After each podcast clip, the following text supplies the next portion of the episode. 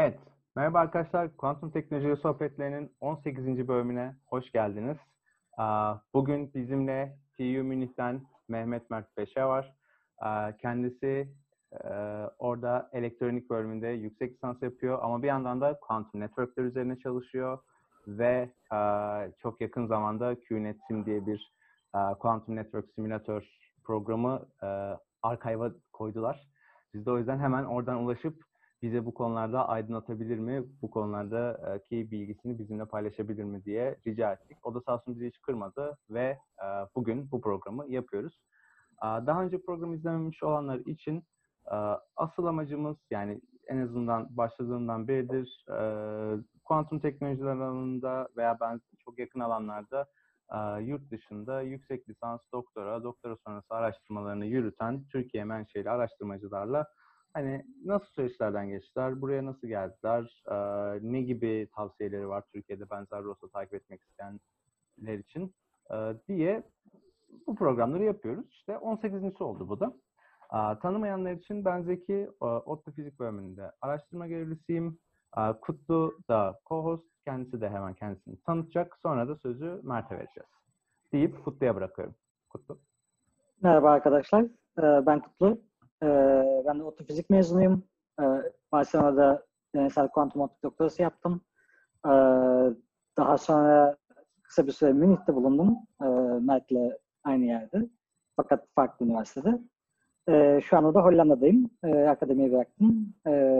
Hightech firmasında çalışıyorum. Bugünleri Mert'le konuşacağız. Mert de kendini kısaca tanıtırsa hemen ana konuya geçeriz.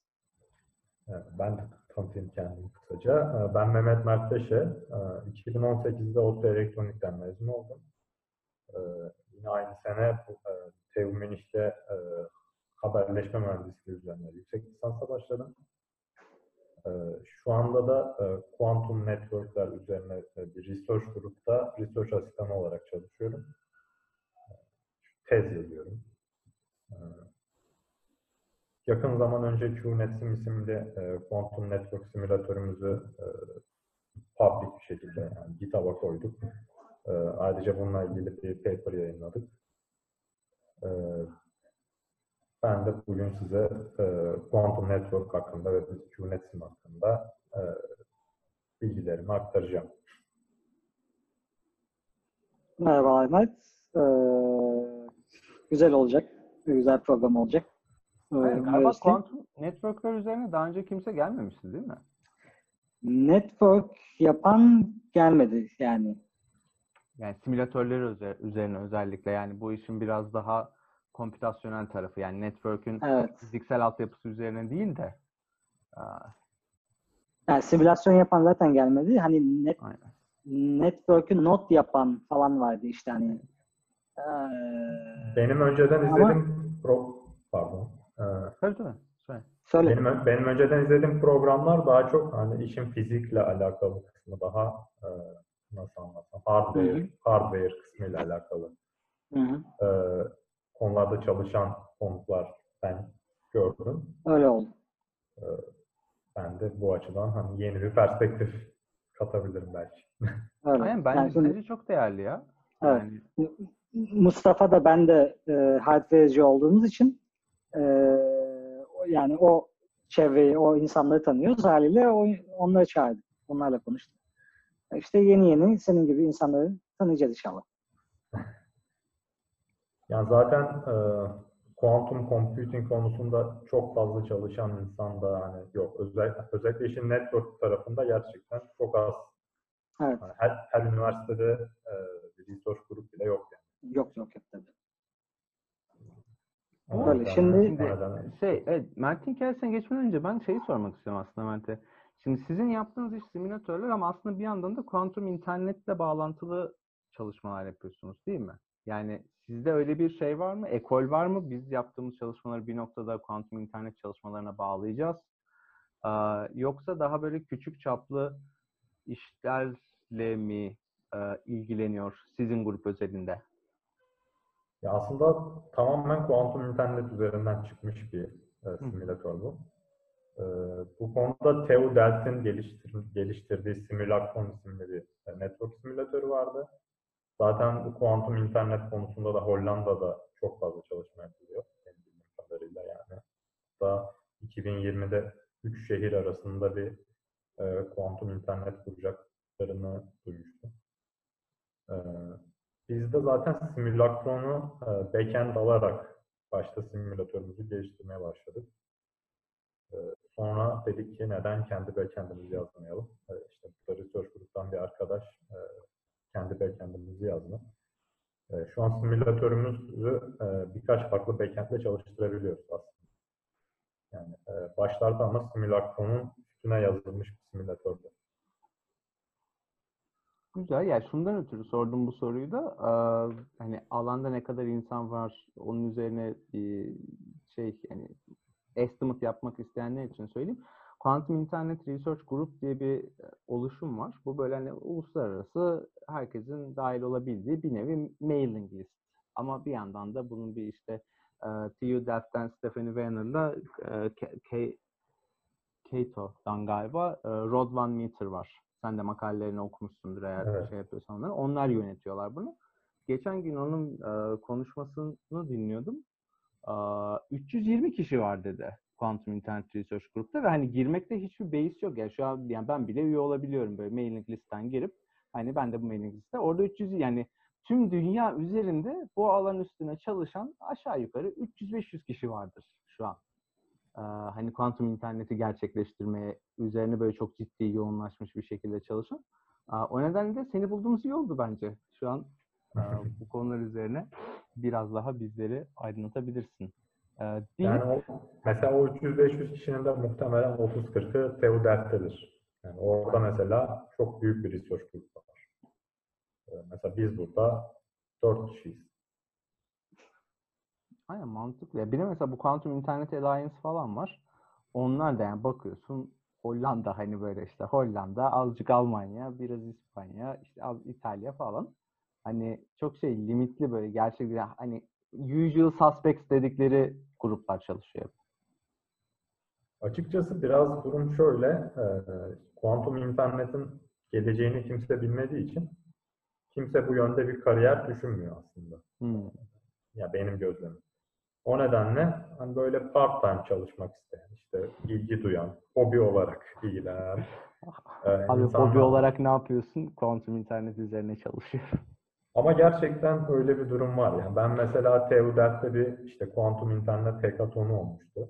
Oraya gitmiştim.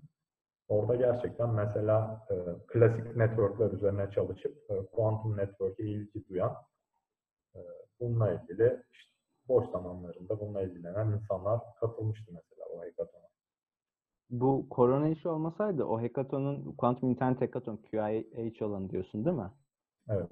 Onun 2020'sinde biz de Ankara'da bir şey kurup aynı anda birkaç şehirde oluyor ya. Biri Saraybosna'da olmuştu, biri Evet. Paris'te, biri işte şeyde. Eee, Bir de Ankara'da alacaktık onu. Yani böyle şey farklı farklı şeylerde güzel olacaktı. Şimdi online yapacaklar galiba da hiç sonra tekrar bir şey yazmadık. Şey, Bizim ayıbımız. 2021 için mi?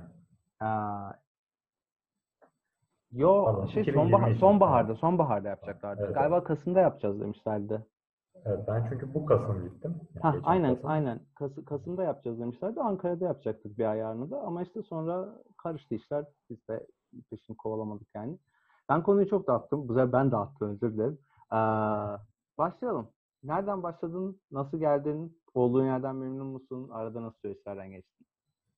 Ee, Nasıl geldim? Ben 2018'de işte e, ODTÜ elektroniği bitirince e, zaten Münih'e başvurmuştum. Haberleşme mühendisliğinden kabul olunca e, burada yüksek lisansa geldim. Aklımda kesinlikle kuantumla ilgili çalışmak yoktu. E, ben normal hani klasik networkler, e, işte wi wi e, wireless haberleşme bu konularda çalışıyordum. Sonra burada e, ilk semester'da Information Theory diye bir ders aldım. Zaten hani e, haberleşme mühendisliğinin core derslerinden birisi. E, ders çok ilgimi çekti. İkinci semester'da Quantum Information Theory diye bir ders vardı. Dedim alayım. Neden olmasın? E, O ders de çok ilgimi çekti. Sonra bir şey arıyordum. Part-time bir iş arıyordum burada.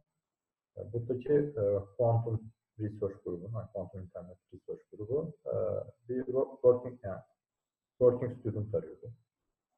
Başvurdum. E, onlar beni kabul etti. E, zaten hani Quantum Information Theory dersi de ilgimi çektiği için e, başlarda işte biraz bu kuantum internetle ilgili protokolleri öğrendim. Teleportation, Supernet, key distribution gibi. Sonra da zaten e, yazılım background'um vardı yani biliyordum kod yazmayı. Ee, işte bu QNet'in fikri ortaya çıktı. Yavaş yavaş başladık. Açıkçası hani planlı programlı bir simülatör geliştirme süreci olmadı. Ee, biraz hani projeyi yaparken bunu da mı yapsak, şunu da mı yapsak derken e, bir, bir arkadaşımız daha aramıza katıldı. E, Sonra biraz daha planlı programlı çalıştık. Neticede simülatörümüz ortaya çıktı. Peki e, şimdi şeyi merak ediyorum. Um, hani Deki dedi ya 300-400 kişi var e, kuantum internetle uğraşan. E, yani o rakam bile bana fazla geldi aslında. E, yani Bu hani, research grupta olan yani diyorum ya e-mail listesine kim istiyorsa girebiliyor. O o o haliyle Ha. bile 320 kişi yani. işte bu e-mail list değil mi? Çünkü yani hani e, klasik um, enformasyonla ve işte networklerle vesaire uğraşan insanlar merak edip giriyorlar.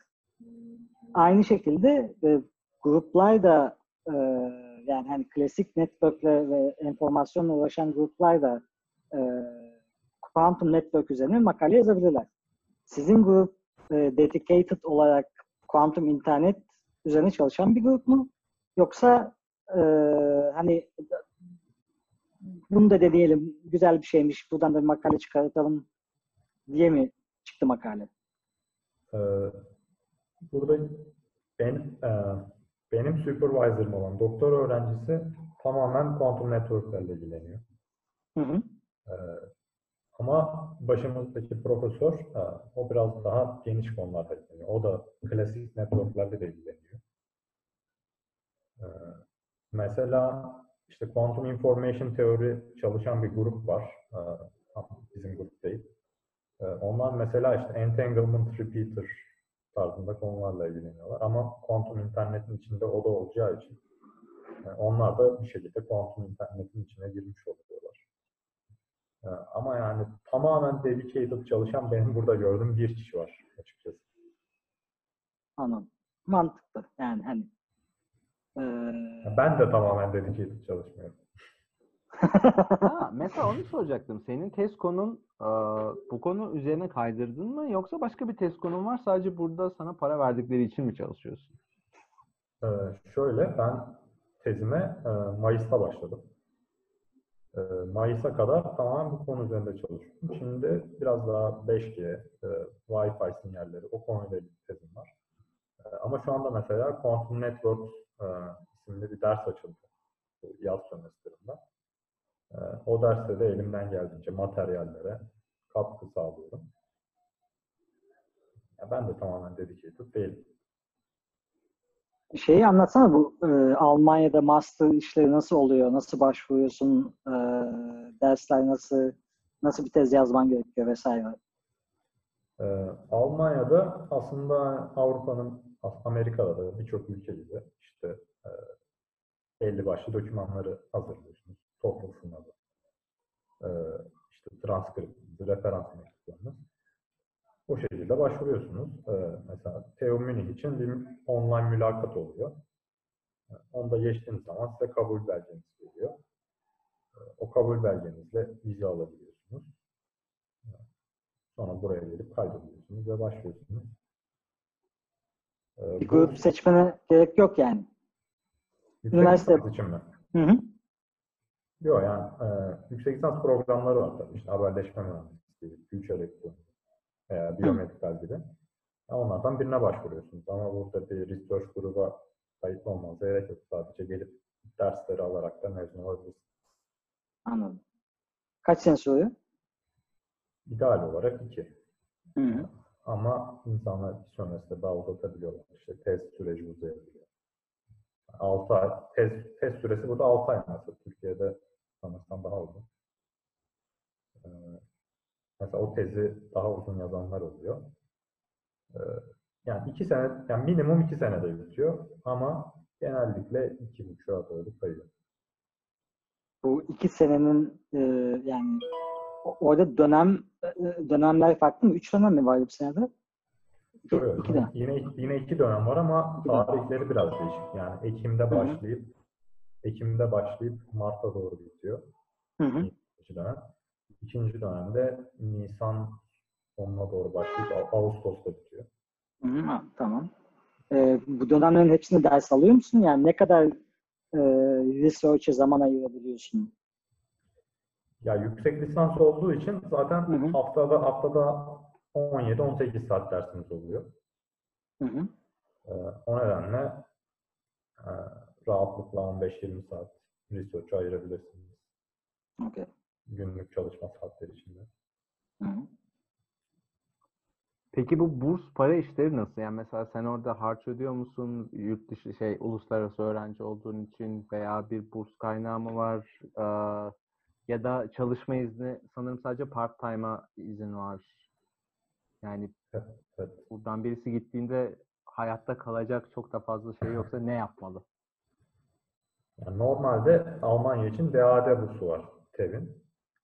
Ee, o DAD bursu zaten aylık e, ihtiyacınızı karşılıyor. Ama ben bursla gelmedim. Kendi imkanlarımla gelmiştim. Ee, öncelikle burada Airbus'ta 6 ay çalıştım. Zaten öğrenci vizesi aldığınız zaman e, haftalık 20 saat çalışma izniniz de o öğrenci vizesinin içinde oluyor. Ee, yani pa- part-time çalışarak da gayet e, geçiminizi sağlayabiliyorsunuz. İşte ben mesela burada okulda da yine aynı part-time çalışıyorum. Yani burs alamasanız bile tabii ilk iş bulana kadar sürede e, idare etmeniz gerekiyor kendi imkanlarınızla ama e, iş bulmak o kadar da zor değil. Ama Münih çok pahalı. Münih'te kiralar çok pahalı evet, gerçekten.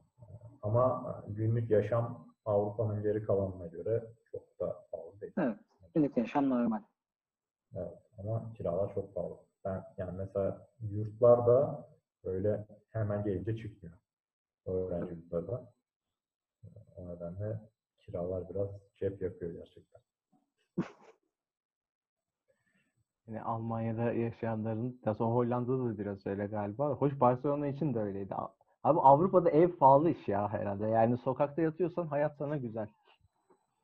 Abi Ama- işte Ama bildiğim kadarıyla Almanya'da en yüksek kiraların olduğu şehir Münih. Yani evet. Ee, tabii sonra Berlin geliyor ama diğer şehirlerinde mesela e, yani 350-400 euroya stüdyo dairede gayet 30-35 metrekarelik stüdyo daire bulabiliyorsun. evet, Hamburg, Frankfurt falan da e, pahalı ama Düşünce Türkiye'dekilere biraz şey geliyor yani e, ne bileyim evin üçte biri, dörtte biri kadar. abi ben Barcelona'da 35 metrekarede kaldım 5 sene. Yani Yani öyle Normal. yani, yani Türkiye'deki şartlara e, beklememek lazım tabii yani. Türkiye'de Türkiye'de hani stüdyo daire ben hayatımda görmedim. Yani öğrenci evi de görmedim. öğrenci evi de görmedim stüdyo daire. Hep hep 2-3 odalı yani 100. yılda falan. Ama Türkiye'de stüdyo daire zaten bir lüks olarak algılanıyor her nedense. Yani Avrupa'da ya aynı yere daha çok ev şey sığdıralım diye çıkmış bir konsept. Türkiye'ye gelince bir şekilde lükse dönüşmüş. Yani daha küçük evde yaşayınca daha çok maaş şey veriyorsun, kira veriyorsun. Evet evet ve mesela hani stüdyo evlerin içi de daha güzel oluyor Türkiye'de. Hani hiç öyle paspaya bir stüdyo ev yok Türkiye'de. Aa, tamam yani aslında yüksek lisans ücretsiz. Aa, sana verdikleri... Tam tam olarak değil. Heh, e, dö- nasıl oldu? Tam olarak nasıl mesela? e, dönem dönem başı 250 euroluk bir sömestr ücreti var. Tam aşağı yukarı ücretsiz yani. Ya aşağı yukarı ücretsiz yani. Ama işte ulaşım ulaşım için de bir ayrıca 200 euro ödüyorsunuz. Yani. Onlar günlük harcamalara hı. kabul edilebilir. Yani aslında yüksek lisansı Almanya'ya gelmek isteyecek birisinin eee, ev kirası dışında çok da korkması gereken bir şey yok mu diyorsun? Yani aylık bir de 400-500 euro e, kişisel harcaması olacaktır. Anladığım kadarıyla bunun 200'ü zaten yola gidiyormuş. Yok yok 200 sömestr 200 euro 6 aylık sömestr Ha. ücreti alıyoruz. Aa, o tamam şahaneymiş. Yani 30-35 euro aylık ulaşıma gidiyor. E, çok güzel. Yani aslında Münih haricinde daha böyle kasabamsı e, bir şehre giden insanlar e, yani harç haricinde çok da bir masrafı yok. Yani çünkü yol masrafı Evet. olmayacak mesela bisikletle gidebilirsin. E, hı. kira masrafı çok daha az olacak e, vesaire. Yani Münih biraz işte Münih, Frankfurt, Hamburg falan bunlar hani biraz e, çok e, Almanya'nın e, sıra dışı örnekleri kira açısından. Evet. Ee, ama burada da ulaşım aylık yani yaklaşık 30 euro. Çok çok yani düşük bir miktar aslında. Tabii öğrenciler için o da aslında doğru doğru. Hı hı. Ben 1100 veriyordum da yıllık e, Münih'teyken. O, o biraz acıtıyordu yani. Sanırım doktor doktor öğrencileri için o e, o imkan sağlanmıyor bildiğim kadarıyla. Onlar bizim gibi alamıyorlar sömestr tiketi. Aa, olabilir, olabilir. Ya tam şey gibi değil mi aslında zaten? Bu benim tüm bu süreçte en çok kafama yatanlardan birisi. Avrupa'da doktorayı iş olarak görüyorlar. Doktora öğrencisi değilsin yani. Öğrenci değilsin artık onların gözünde. Sen bayağı sigortalı çalışan oluyorsun orada değil mi? Evet. Aynen öyle. Yani o galiba en büyük kültürel fark o bizimle aramız. Yani biz çünkü burada yani mesela Amerika'yla da öyle. Amerika'da da doktora öğrencisisin. Burada da doktora öğrencisisin. Ama Avrupa'da başladığın gibi PhD candidate'sın. Yani doktora adayısın sen. Sana öğrenci diyorlar mı hiç kimse? Yani PhD student diye geçiyor aslında. Ama paso yok. Ama paso yok. Evet. Paso yok. Paso olmayanı öğrenci demem abi. Yani öyle Yani- yaklaşınca tabii. Ülkeden ülkeye değişiyor abi. Bir de e, nerede yaptığına göre de değişiyor ihtimalle. Çünkü e, mesela e, bizim enstitüde Barcelona'da e, çoğunlukla ilk iki sene e, burs yani scholarship ile den alıyorsun parayı. E, o sırada da vergi ödemiyorsun o paradan. Aa, Hmm. mesela o vergi ödemediğin için onu askerliğe de saydırmıyorsun. Yani dövizli askerlik işi de olmuyor falan.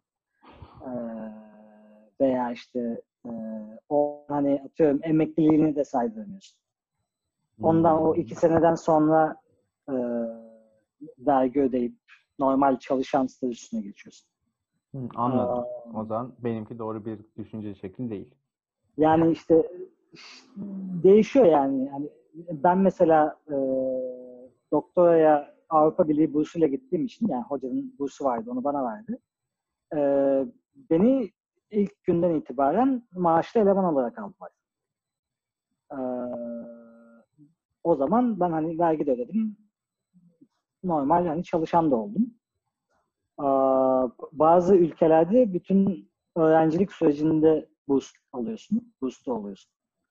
Bazılarında da bütün öğrencilik sürecinde çalışan oluyorsun. Biraz yani ülkenin içinde bile değişiyor yani. Hmm. Evet. Mesela üniversiteye gidersen e, üniversitede e, doktora yaparsan üniversite sana para veriyorsa tabii senden de bir beklentisi oluyor yani. İşte laba gir, ders ver, ödev oku bilmem ne. E, enstitüye gidersen e, yine çalışan oluyorsun ama o artık researcher oluyorsun ve senden makale basman haricinde beklentisi olmuyor. O zaman Mert'e soralım. Sen research assistant'sın şu an değil mi? Evet. Senden beklentisi ne grubun veya e, aslında yani parayı sana veren sonuçta şu an grup değil mi? Hı hı. Ve bu belirli bir proje üzerinden seni fonluyorlar. Evet. Peki senden mesela beklentileri hani bir yandan da derse gir, e, işte ne bileyim bize çay koy falan gibi şeyler mi yoksa hani işte sadece research mı? Ee, şu an mesela sadece tezime odaklandım. Ee, ama hani bazen diyor işte diyorlar e, işte quantum network dersi var. işte şu materyalin hazırlanması lazım. İşte latekste şu figürlerin çizilmesi lazım Hı. falan gibi. Ee, bu tarz işler de oluyor ama e, aslında şu anda tamamen tezime odaklanmış durumdayım. Ama ondan önce tabii bu QNet'imi geliştirmekti benden beklenen. Onunla ilgili, onunla ilgili tasklarımız vardı. İşte backend'i yaz, işte örnekler yaz. İşte genelde software ile alakalı şeyler bekleniyordu. E, güzel. O zaman 3 tane sorum olacak sana sırasıyla. Bunların ilki şimdi Q-Net'ini archive'a koydunuz. Bir yere submit ettiniz mi? Yani mesela nerede basmayı düşünüyorsunuz? Ee, Şu anda bir konferansa gönderdi galiba ee, o doktor öğrencisi. Aslında main author o. Ee, Bir konferansa gönderildi. Orada basmayı düşünüyor galiba. Konferans paper olarak. IEEE'nin falan mı? Evet, IEEE'nin Denver'daki e, işte quantum computing ile alakalı bir konferans Hı hı. vardı. E, Oraya gönderildi. O da bu Kasım'da yapılacak bildiğim kadarıyla. Ama Aynen. nasıl olacak bilmiyorum. Aa, Yani, güzel. e, Ya, Online olacak veya Sanırım online olacak. Biz başvurabiliyoruz çünkü şu an. Ee, virtual'a taşı... İlk başta e, virtual olmayacak, olmama ihtimali var falan denmişti. Sonra galiba full virtual taşıdılar. Çok iki hafta önce olmuş olması lazım. Ama güzel. Zaten IEEE'nin proceedings'i iyidir yani şey değil. Ee, iyi. Ee, O zaman ikinci soruma geleyim. Şimdi QNet'imi yazdınız ve bunu aslında biraz da yani öğrenmek için mi yazdınız yoksa spesifik olarak çünkü şu an benim bildiğim işte simülakron var senin dediğin. Hı. ne, NetSuite var. Aa, bir de Quiz var galiba. Quantum Internet Service bir şey. Bu aa, Rod One Meter'ların olan. Yani ortada birkaç tane aslında yani çalışan çok az insan var ama birkaç tane simülatör var şu an ortalıkta. Mesela sizin yaptığınızın neyi hedeflediniz? Neyi daha iyi yapıyor olmasını hedeflediniz? Ya da soruyu şöyle de yani formülize edebiliriz. Bir quantum network simülatörü e, neyi iyi yapıyor olmalı, ne işe yarıyor olmalı? Ve siz bunu ne kadar başarabilirsiniz? Ya bizim gördüğüm gördüklerimiz mesela genellikle işte transport layer'da yani bu haberleşme layer'lara bölünüyor. OSI layer'da. Genellikle transport layer'da işte qubitler gönderiyorsunuz. Ee, ama mesela aradaki e, aradaki rotayı e, umursamıyor simülatör. E, biz biraz daha hani gerçekten kuantum internet gibi e, iki iki e, kullanıcının birbirine direkt olarak bağlı olmaması, e, işte entangled qubitlerin kullanıcılar arasında dağıtılması tarzı şeyleri hedefledik. Biraz daha hani gerçekten klasik, mesela içinde klasik internet öğeleri de barındırsın istedik yani. Mesela klasik paketler de gönderilebilsin bu simülatörde istedik. Yani kuantum internet kuantum internet tabii şu anda e, net değil nasıl olacak. E, biz biz şu an öngörülen kuantum internete e, en uygun simülatörü yapmak istedik. E, Yani şu anda network layer'ımız, transport layer'ımız aslında var. Yani simülatörün içinde hem network hem transport layer var. E, çok fizik physical layer'a inmedik tabii yani. E, şu anda bildiğim kadarıyla bir kişi daha çalışıyor o konuyla alakalı. E, ama ama e, işte channel'ların, channel model tarzında şeylerle ilgilenmedik. E, işte mesela error probability'yi e, bir parametre olarak koyduk ama işte şimdi daha benim de tam detaylı bilmediğim e, channel model'lar var. İşte decoherence tarzında. Tabii yani tek bir error parametresiyle tanımlayamıyorsun channel fidelity'yi. Ben de zamanında Evet. denedim olmadı. Oradan biliyorum bunları. Yani e, biz biz çok onun üzerinde durmadık. Biz, biz aslında ilk başlarda hani mükemmel iletişim sağlanabiliyor diyor assume ederek ilerledik. Sonra bir error probability e, parametresi koyduk. Şimdi o geliştiriliyor. Yani aslında kuantum internetin nasıl olabileceğine dair e, bir fikir yürüttük ve buna en uygun simülatörü geliştirdik diyebiliriz. Güzel, şahane. O zaman Kutlu'nun diyeceği bir şey yoksa üçüncü soruma geçiyorum. Sonra abi. Aa, doktoraya ne yapmayı düşünüyorsun? Madem şu an tezi yazıyorsun, yakında bitecek herhalde. Doktora yapmayı düşünüyor musun? Ha aynen doktora yapmayı düşünüyorum. Ben niyeyse otomatikman varsaydım ya Evet. böyle şeylerle uğraşıyorsun doktora yaparsın diye. Tabii yani Almanya'da şu an muhtemelen aa, yani özel sektörde önün çok çok çok çok daha açıktır yani. Ya açıkçası bu konuda ben de henüz daha net karar veremedim yani. Ee, belki Ekim sonu veya Kasım ortası gibi mezun olacağım. Ee, yani doktora pozisyonları var. Ee, özellikle bu kuantum konusunda gerçekten hani çok fazla bu konuda çalışmak isteyen öğrenci olmadığı için hani kabul almak da çok zor değil. Ee, ama bir taraftan da işte 5G e, Avrupa'da işte hız kazandı 5G çalışmaları. Özel sektörde bununla ilgili bir sürü iş var. Ee, yani ben de henüz karar vermedim açıkçası. Ama Sizlerin- zannediyorum, zannediyorum ki klasik network tarafından devam ederim diye düşünüyorum. Yani e, elektronikçiler ve e, klasik enformasyoncular, networkçüler için içinde yani o komünitede e, biz kuantum network uğraşıyor, ile uğraşıyoruz deyince ne yapıyorsunuz oğlum siz falan diye mi bakıyorlar? Hani e, orada o işte ekmek yok. E, daha çok erken. Yani gerçekten öyle. Yani e, hani quantum network'ün ben böyle bir çok değer gördüğünü düşünmüyorum. E, çünkü ortada bir henüz ürün yok açıkçası. E, hani İsviçre'de ve Amerika'da bildiğim kadarıyla işte e, anahtar dağıtımı yapan bir e, o da aslında ticari bir uygulama değil de bir askeri e, desteklerle yapılan uygulamalar var yani. O yüzden işin ticari boyutunu kimse şu anda düşünemiyordur bence. Aslında Çin'de bir tane 2000 kilometrelik commercial kullanıma da açık network var. Aa, ama yani Çin'e tabii gitmek istiyor mu insanlar sırf bu konuyla ilgili çalışmak için o ayrı bir mesele. Aa, var yani ama. Çin'de kuantum çalışmaları zaten e, gerçekten bayağı da fonlanıyor bildiğim kadarıyla. E, Evet. uydudan anahtar dağıtımı yapıldı yakınlarda. E, yani kuantum çalışmak isteyenler için Çin tabii iyi bir yer ama Çin'e gitmek ister mi senin dediğin gibi? Size bilemeyeceğim. Aa, yo aslında mesela bu 5G meselelerinde de hani Avrupa'da bu kadar hızlanmasının sebeplerinden bir tanesi 5G'nin şu an en büyük altyapı üreticisi Huawei'di. Ondan sonra bir sürü mesele ortaya çıktı ve hani şu an biraz Amerika'dakiler de İngiltere yasakladılar mesela Huawei altyapısından 5G kurmayı. Hani e, direkt bayağı uluslararası ban koydular yani şey gelmesin diye.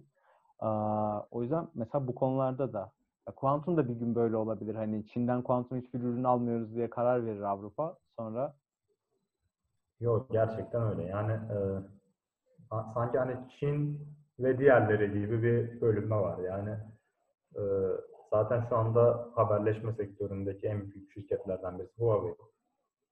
E, onun dışında işte Ericsson var, Nokia var. E, zaten bu sektör öyle küçük startuplar şeklinde de bir şeyler başarabileceğiniz bir sektör gibi değil şu an. Yani hiç olmadı herhalde. E, o nedenle hep böyle birkaç dev şirketin e, yarışması şeklinde gidiyor. Yani bu küçük startup işinde mesela kuantum anahtar dağıtımında İsviçre'de ID Quantic vardı. Yani senelerdir bu işi yapıyorlardı. Dünyanın en öncü, firmasıydı e, neredeyse. Sonra SK Telekom satın aldı aslında onları bir nevi. Şu an işte e, Samsung Galaxy Quantum diye telefon çıkardılar Güney Kore'de. Ama ya- yani şirketler çok büyük olunca ben onlarla kafa kafaya kavga edeyim demekten ziyade bir tanesinin yanına geçiyor startuplarla bir noktada. Yani sektör tabii. çok kocaman. Yani e, mesela startuplar da hani Ee, sadece işin hani küçük bir kısmını geliştirebiliyorlar. Çünkü o 2000 kilometrelik altyapıyı mesela herhangi bir startup kuramaz. Mesela. De- Şey devam edelim buradan o zaman. Ee, benzer bir rota izlemek isteyenler için özellikle yani fizik dışından veya daha önceden bir kuantum arka planı olmadan gelenler için ne gibi tavsiyeler verirsin? Hani bu alana girmek isterlerse nasıl bir rota izleyebilirler? Gerçekten bir böyle öğrenci açı yani sen görüyorum dedin. Mesela bu akademik olarak önlerini açabilecek bir şey mi yoksa orada açığı herkes görüp bir anda oraya çullanıp sonra çok kompetitif bir hale mi dönüştürecek? mi? Nasıl görünüyor? Almanya'dan duruş, durum nasıl görünüyor? Ee, öncelikle Almanya bu konuda e, ciddi yatırım yapmaya başladı. E, hatta bu sene yani 2020-2021 senesi için e, tamamen bu kuantum teknolojileriyle ilgili bir master program da başladı.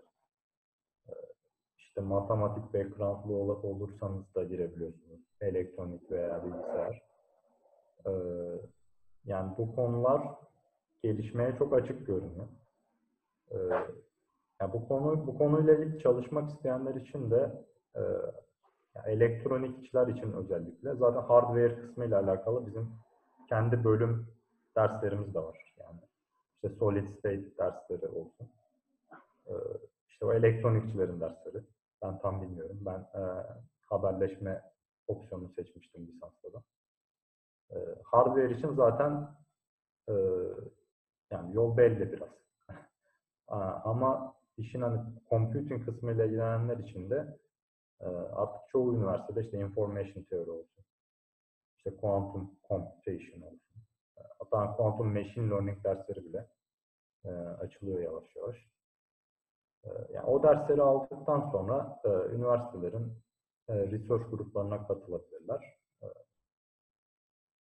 Onun dışında doktora pozisyonları açılıyor. Yani genelde direkt iş hayatına atılan görmedim. Yani genelde kuantumla alakalı özel sektör çalışanları hep doktor oluyor. Ee, Yani böyle bir yol izlemelerini tavsiye ederim. Ee, Önce master'da bu konuyla ilgili dersler alıp sonra e, doktora da ilgili bir pozisyon aramalarını. Güzel. Çok teşekkürler. Bence oldukça yani aydınlatıcı bir rota oldu. Yani dışarıdan tamamen gelip hani lisansını kuantumla alakalı ya fizikte ya da işte bilgisayar mühendisliğinde bu alanda yapmamış birisi için yani elektronikten devam edince bu şekilde yapılması makul. Kutlu senin diyeceğin bir şey var mı abi? Yani sormak istediğin. Ee, şöyle bir şey, yani merak ediyorum hani bu işte doktor yapmak isteyen insanlar elektronik altyapılı insanlar elektronikte devam etmeleri mi daha mantıklı sence yoksa fiziğe doğru mu kaymalılar? Yani bence eğer kuantum network veya yani kuantum computation konusunda doktora yapmaya kesin kararlılarsa e, bence bir fizik yüksek lisansı yapmaları daha mantıklı olur. E, zaten hani burada da benim bildiğim kadarıyla birçok Avrupa ülkesinde de e, yüksek lisanslar size o flexibility'yi sağlıyor. Yani e, alanınız dışında da birçok ders alabiliyorsunuz. Yani ele, mesela konunuzla ilgili olduğunu düşündüğünüz bir elektronik dersinde alabilirsiniz. Ee, o yüzden hani ben bu konu hakkında çalışacağım kesinlikle diyen bir biri varsa e, bence fizik yüksek lisans yapması daha doğru olur. Ama elektronik kaçış yok. ama işte elektronikte yapınca bu sefer e, master'dan sonra hem e, tekrar yani karar verme şansın oluyor. Akademikte mi kalmak istiyorsun yoksa hemen şirkete gidip para kazanmak mı istiyorsun? Ee, daha kolay bir ihtimalle. Yani e, tahminen. Çünkü yani işte benim anladığım hani kuantum geçince e, Mert'in olduğu departmanda e, yani ne yapıyorsunuz siz diye bakıyorlar. E, çünkü bir şey yok yani hani özel sektörde e, uygulanabilecek bir yeri yok şu an. O kayış e, kolay değil. O Yani, yüzden e, pardon böldüm. yok yok devam. Yani ya bir tabii öyle bakanlar var. Hani e, işte bu tamamen e, teorik. İşte buradan hani e, ticari bir ürün çıkartamazsınız gibi bakanlar da var ama bir de e, ya bu işin nereye varabilir? Hani bu, bu işin potansiyelini sorgulayan insanlar da var yani. Herkes de herkes de öyle e, şey yapmıyor. Nasıl desem? E, yani Üstünü hı. ya bu işe inanan insanlar da çok fazla yani. Kuantum bilgisayarların e, ticari değerinin artacağına inanan insan sayısı da çok fazla. Güzel. Okey. O zaman çok teşekkür ederiz Mert. Geldiğin, katıldığın Ben için. teşekkür ederim. Ee, Teşekkür ederiz. Bu konularda bazı şeyleri merak eden arkadaşlar olursa sana ulaşabilirler mi? Yoksa beni rahatsız etmeyin mi diyorsun? Yok yok kesinlikle her zaman ulaşabilirler. Ee, ben mail adresimi vereyim isterseniz. Olur aşağı Veya- ekleriz onu. Yani şey makaleyi de ekleyeceğim Aşağı, ben. aşağı eklersin. Ee, YouTube'da aşağı eklerim şey. Ya bu arada zaten hani dinleyenler veya izleyenler için de söyleyeyim. Hani benim de Mert'e ulaşma şeklim makaleyi de adını görüp aa bu kimmiş diye bakıp ondan sonra LinkedIn'den yazmak şeklinde oldu. Ee, öyle olduğu için ha, makaleye de hani başka bir e, Quantum Network simülatörü için çalışma yaparken aa böyle de bir şey varmış. Bu neymiş diye bakarak denk geldim. Öyle olduğundan e, mesela şey diyorum sen bizi biliyor muydun Türkiye'de böyle bir network olduğunu? Hiç denk gelmiş miydin? Ee, Q Turkey ve ben işte- ben Q4'ye denk gelmiştim. ha Evet. iyi Yani güzel sevindim. Türkiye'de ya özellikle İşe Türkiye'de ku- ku- kuantum programlama ile ilgili workshoplar falan olmuş. Hı hı. Hatta bir arkadaşım ona katılmış. Bilgisayar bir arkadaşım. Güzel. Ee, yani biliyordum zaten hani Türkiye'de kuantum çalışmaları da e, çok fazla olmadığı için e, internetten aratınca direkt Q30 geliyor. O zaman buna sevinsek mi üzülsek mi bilemiyoruz ama en azından eee, bir şeyler yapmaya çalışıyoruz. Diyelim. Çok teşekkürler. Eee, Teşekkürler.